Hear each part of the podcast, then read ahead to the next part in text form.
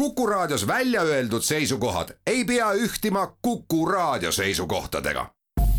Te kuulate Kuku Raadiot.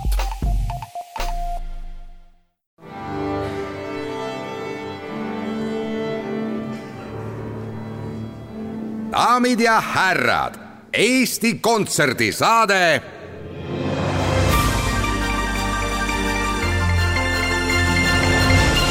aplaus.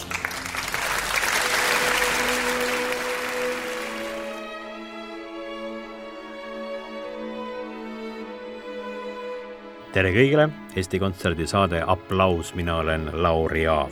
head lähenevat kodumaa sünnipäeva kõigile. nagu ikka, on sellega seonduvalt kõikjal kavas palju temaatilisi kontserte, aga et enamus neist on kontserdid, kuhu avalikku piletimüüki ei toimu, kasutaks täna head võimalust ja räägiks natukene pikemalt ette märtsikuus toimuvatest kontsertidest aga isegi märtsikuu alguse kontsertidest, õigemini etendustest seekord pole meil siin põhjust eriti rääkida, sest teisest kuni kaheksanda märtsini toimuvad taas kord Estonia kontserdisaalis Macbethi etendused. Koostöös Draamateatri ja ERSO-ga, selle aasta teatri, aga ka muusikamaailmas enim kõneainet pakkunud Oja Sooja-Semperi ühine lavastus, mida loomulikult soovitaks kõigil vaatama minna, kui vaid see pilet taskus olemas oleks. Need on aga täiesti lootusetult otsas, isegi tutvused enam ei aita nagu kunagi nõukaajal. siiski käib töö selle nimel, et seekordsed etendused märtsis ei jääks viimasteks ja usun, et tulemustest saame juba õige pea rääkida täpselt nii palju saan hetkel selle kohta öelda. Järsk teemamuutus ja kohe-kohe pärast neid etendusi tulevad kontserdid, kus ühel laval saavad esmakordselt kokku Vaiko Eplik, tema ansambel Eliit ja Estonian Voices see ühine kontsert on osalistel juba pikki aastaid mõtteis mõlkunud ja suur unistus.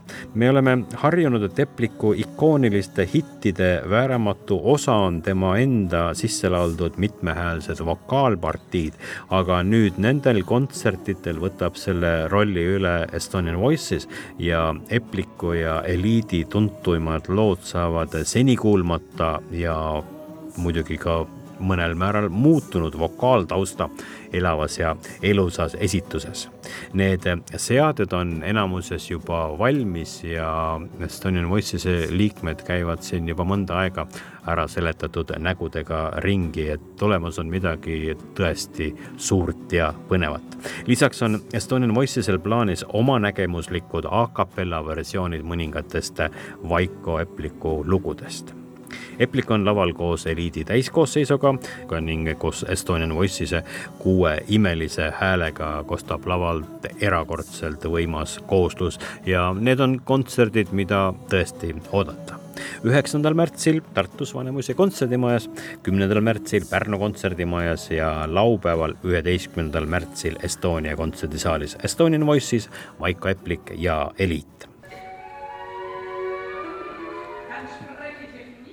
kohe-kohe peale seda on kodupubliku ees taas kord Anneli Peebo, kelle kontserdi pealkiri on seekord kuidagi irriteeriv Mustlaslaulud aga miks ka mitte, Dvoržaki ja Brahmsi laulud ning mustlasviisid ooperitest ja operettidest, usutavasti äärmiselt temperamentne soolokontsert, kus klaverisaatjaks on Pantelis Polokraniidis ja kaastegev on ka bariton Raiko Raalik Rahvusooperist Estonia Anneli Peebo Eestis kuueteistkümnendal märtsil Estonia kontserdisaalis ja kaheksateistkümnendal Tartu Ülikooli aulas ja samadel kuupäevadel, aga täiesti vastupidises järjekorras.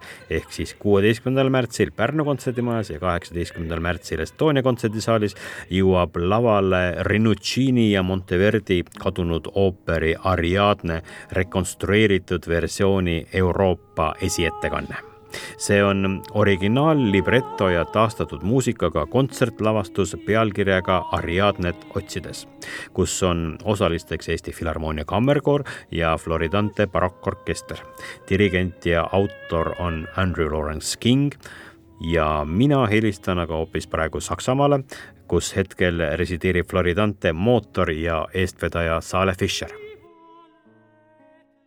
Saale, sa tulid paar aastat tagasi välja jutuga, et Andrew Lawrence King, ilmakuulus vanamuusika spetsialist ja harfi virtuoos, on kätte võtnud ja taastanud Monteverdi kaduma läinud ooperi Ariadne. räägi meile lähemalt, kes on üldse Andrew Lawrence King, huvitaval kombel elab ta ise juba mõnda aega Pirital Andrew elab tõesti mõnda aega Pirital, aga veel enne seda elas ta Guernsey saarel, mis on äh, Inglismaa vahetus naabruses ja ta teeb väga suurt vahet, et ta ei ole inglane, et tema päritoluriik on Guernsey saar, kuna neil on ka oma valuuta.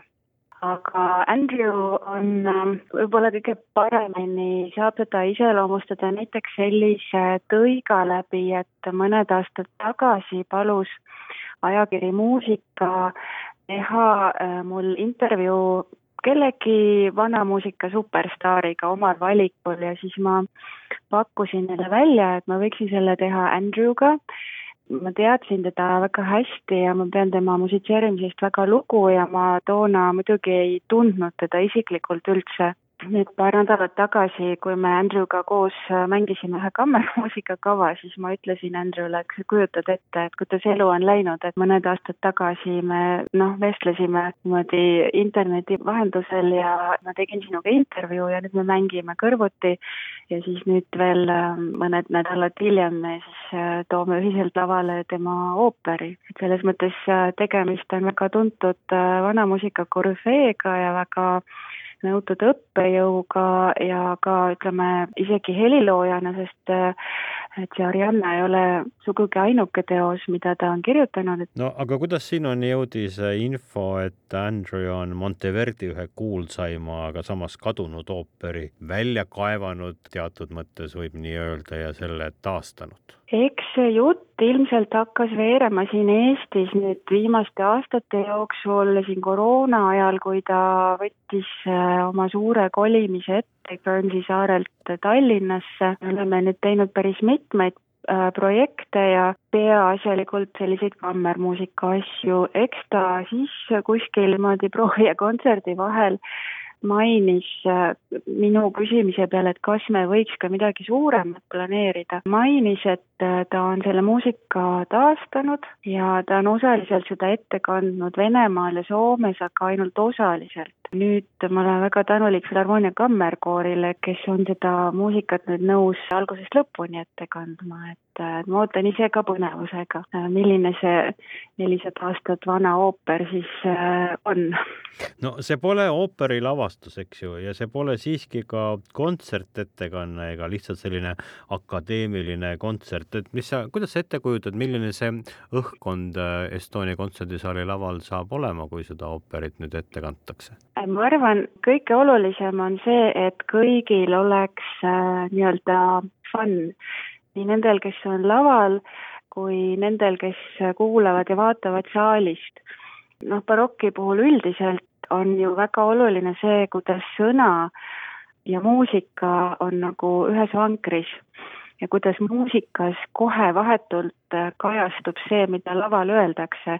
et tegelikult võib barokkmuusikat, vokaalmuusikat kuulata ja vaadata nii nagu põnevusfilmi, noh näiteks Bachi passioone ja samamoodi ma arvan, võib sellesse ooperisse ka suhtuda, et et arusaadavalt, kuna tegemist on kahe kontserdiga, et siis igasugused ressursipiirangud panevad ka lavastusel oma piiri, aga Andrew on selle olukorra lahendanud väga nutikalt. me orkestrina ja koorina oleme laval eri paigus ja kooril on ka teatud äh, aksessuaarid mis äh, nende tegelaskujusid iseloomustavad, mis on hästi põnev minu jaoks jälle, lauljate jaoks ka, on see, et äh, Andrew paneb lauljat tegema barokkžeste need ei ole ka mitte suvalised äh, kätega vehkimise tuuleveski liigutused, aga ka nendel on oma tähendused, võib-olla kes on nagu uurinud äh, barokkmaale, on tähele pannud, et kuningate ja, ja portreteeritavate käed on nagu teatud asendites, mis midagi ka sümboliseerivad. ja selles mõttes äh, saab ka tekstist jagu, et, äh, et tekst on tõlgitud eesti keelde või libreto, ta on, subtiitrid jooksevad, et ma arvan, et sellest tuleb üks väga-väga eriline ooperielamus ooperisõpradele ja kes ooperit väga ei armasta või pelgavad, et siis tasub ikka tulla, et see on igal juhul väga eriline kontserdielamus ka aga tegelikult oli mul eile lõunapaiku tore kokkusaamine Estonia kontserdisaali laval Andrew Lawrence Kingi endaga. uurisime, kuidas oleks võimalik ooperit kontserdisaali lavastuslikus mõttes tuua ja pärast rääkisime natukene kogu selle ooperi taassünni loost, kuidas ja ehk ka miks otsustas ta sellise väljakutsega üldse tegelema hakata. Arianna Monteverdi himself saw it as his masterpiece Monteverdi ise pidas Ariadnet oma meistritööks. kui avalikud publikule mõeldud ooperietendused said alguse Veneetsias mõnevõrra hiljem, siis see oli üks esimesi ooperilavastusi üldse, mis oli suures plaanis mõeldud avalikuks ettekandeks ja palju varasemal ajal. nagu me kõik teame, on selle ooperi muusika peaaegu täielikult kadunud, alles on ainult muusika ajaloost tuntud Ariadne lament, ehk siis kokku umbes viieteistkümne minuti jagu muusikat. kuulus Ariadne nutulaul, kus ta kurdab, et Tesea on ta Naksose saarele maha jätnud. And my idea in remaking the whole opera ja kogu mu idee selle juures oli anda ooperisõpradele teada ja just muusika kaudu teada, mis sellele kuulsale stseenile järgnes. me teame hästi, mis eelnes, aga kuidas see lugu ooperis kõik edasi läks, on palju vähem teada.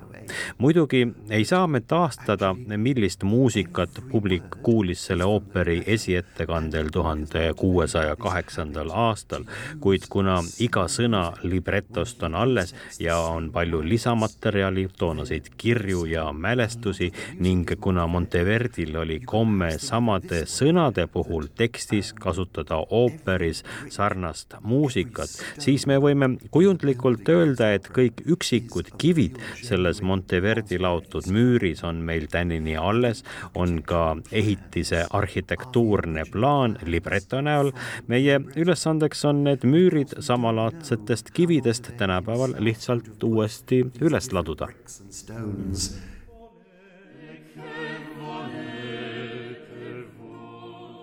Monteverdi loodud ja Andrew Lawrence Kingi poolt taastatud ooper L'Arianna.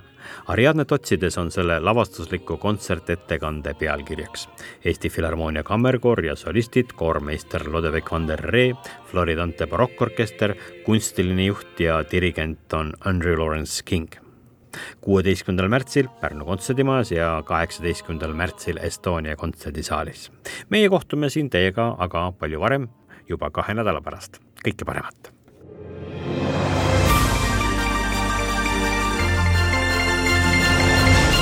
aplaus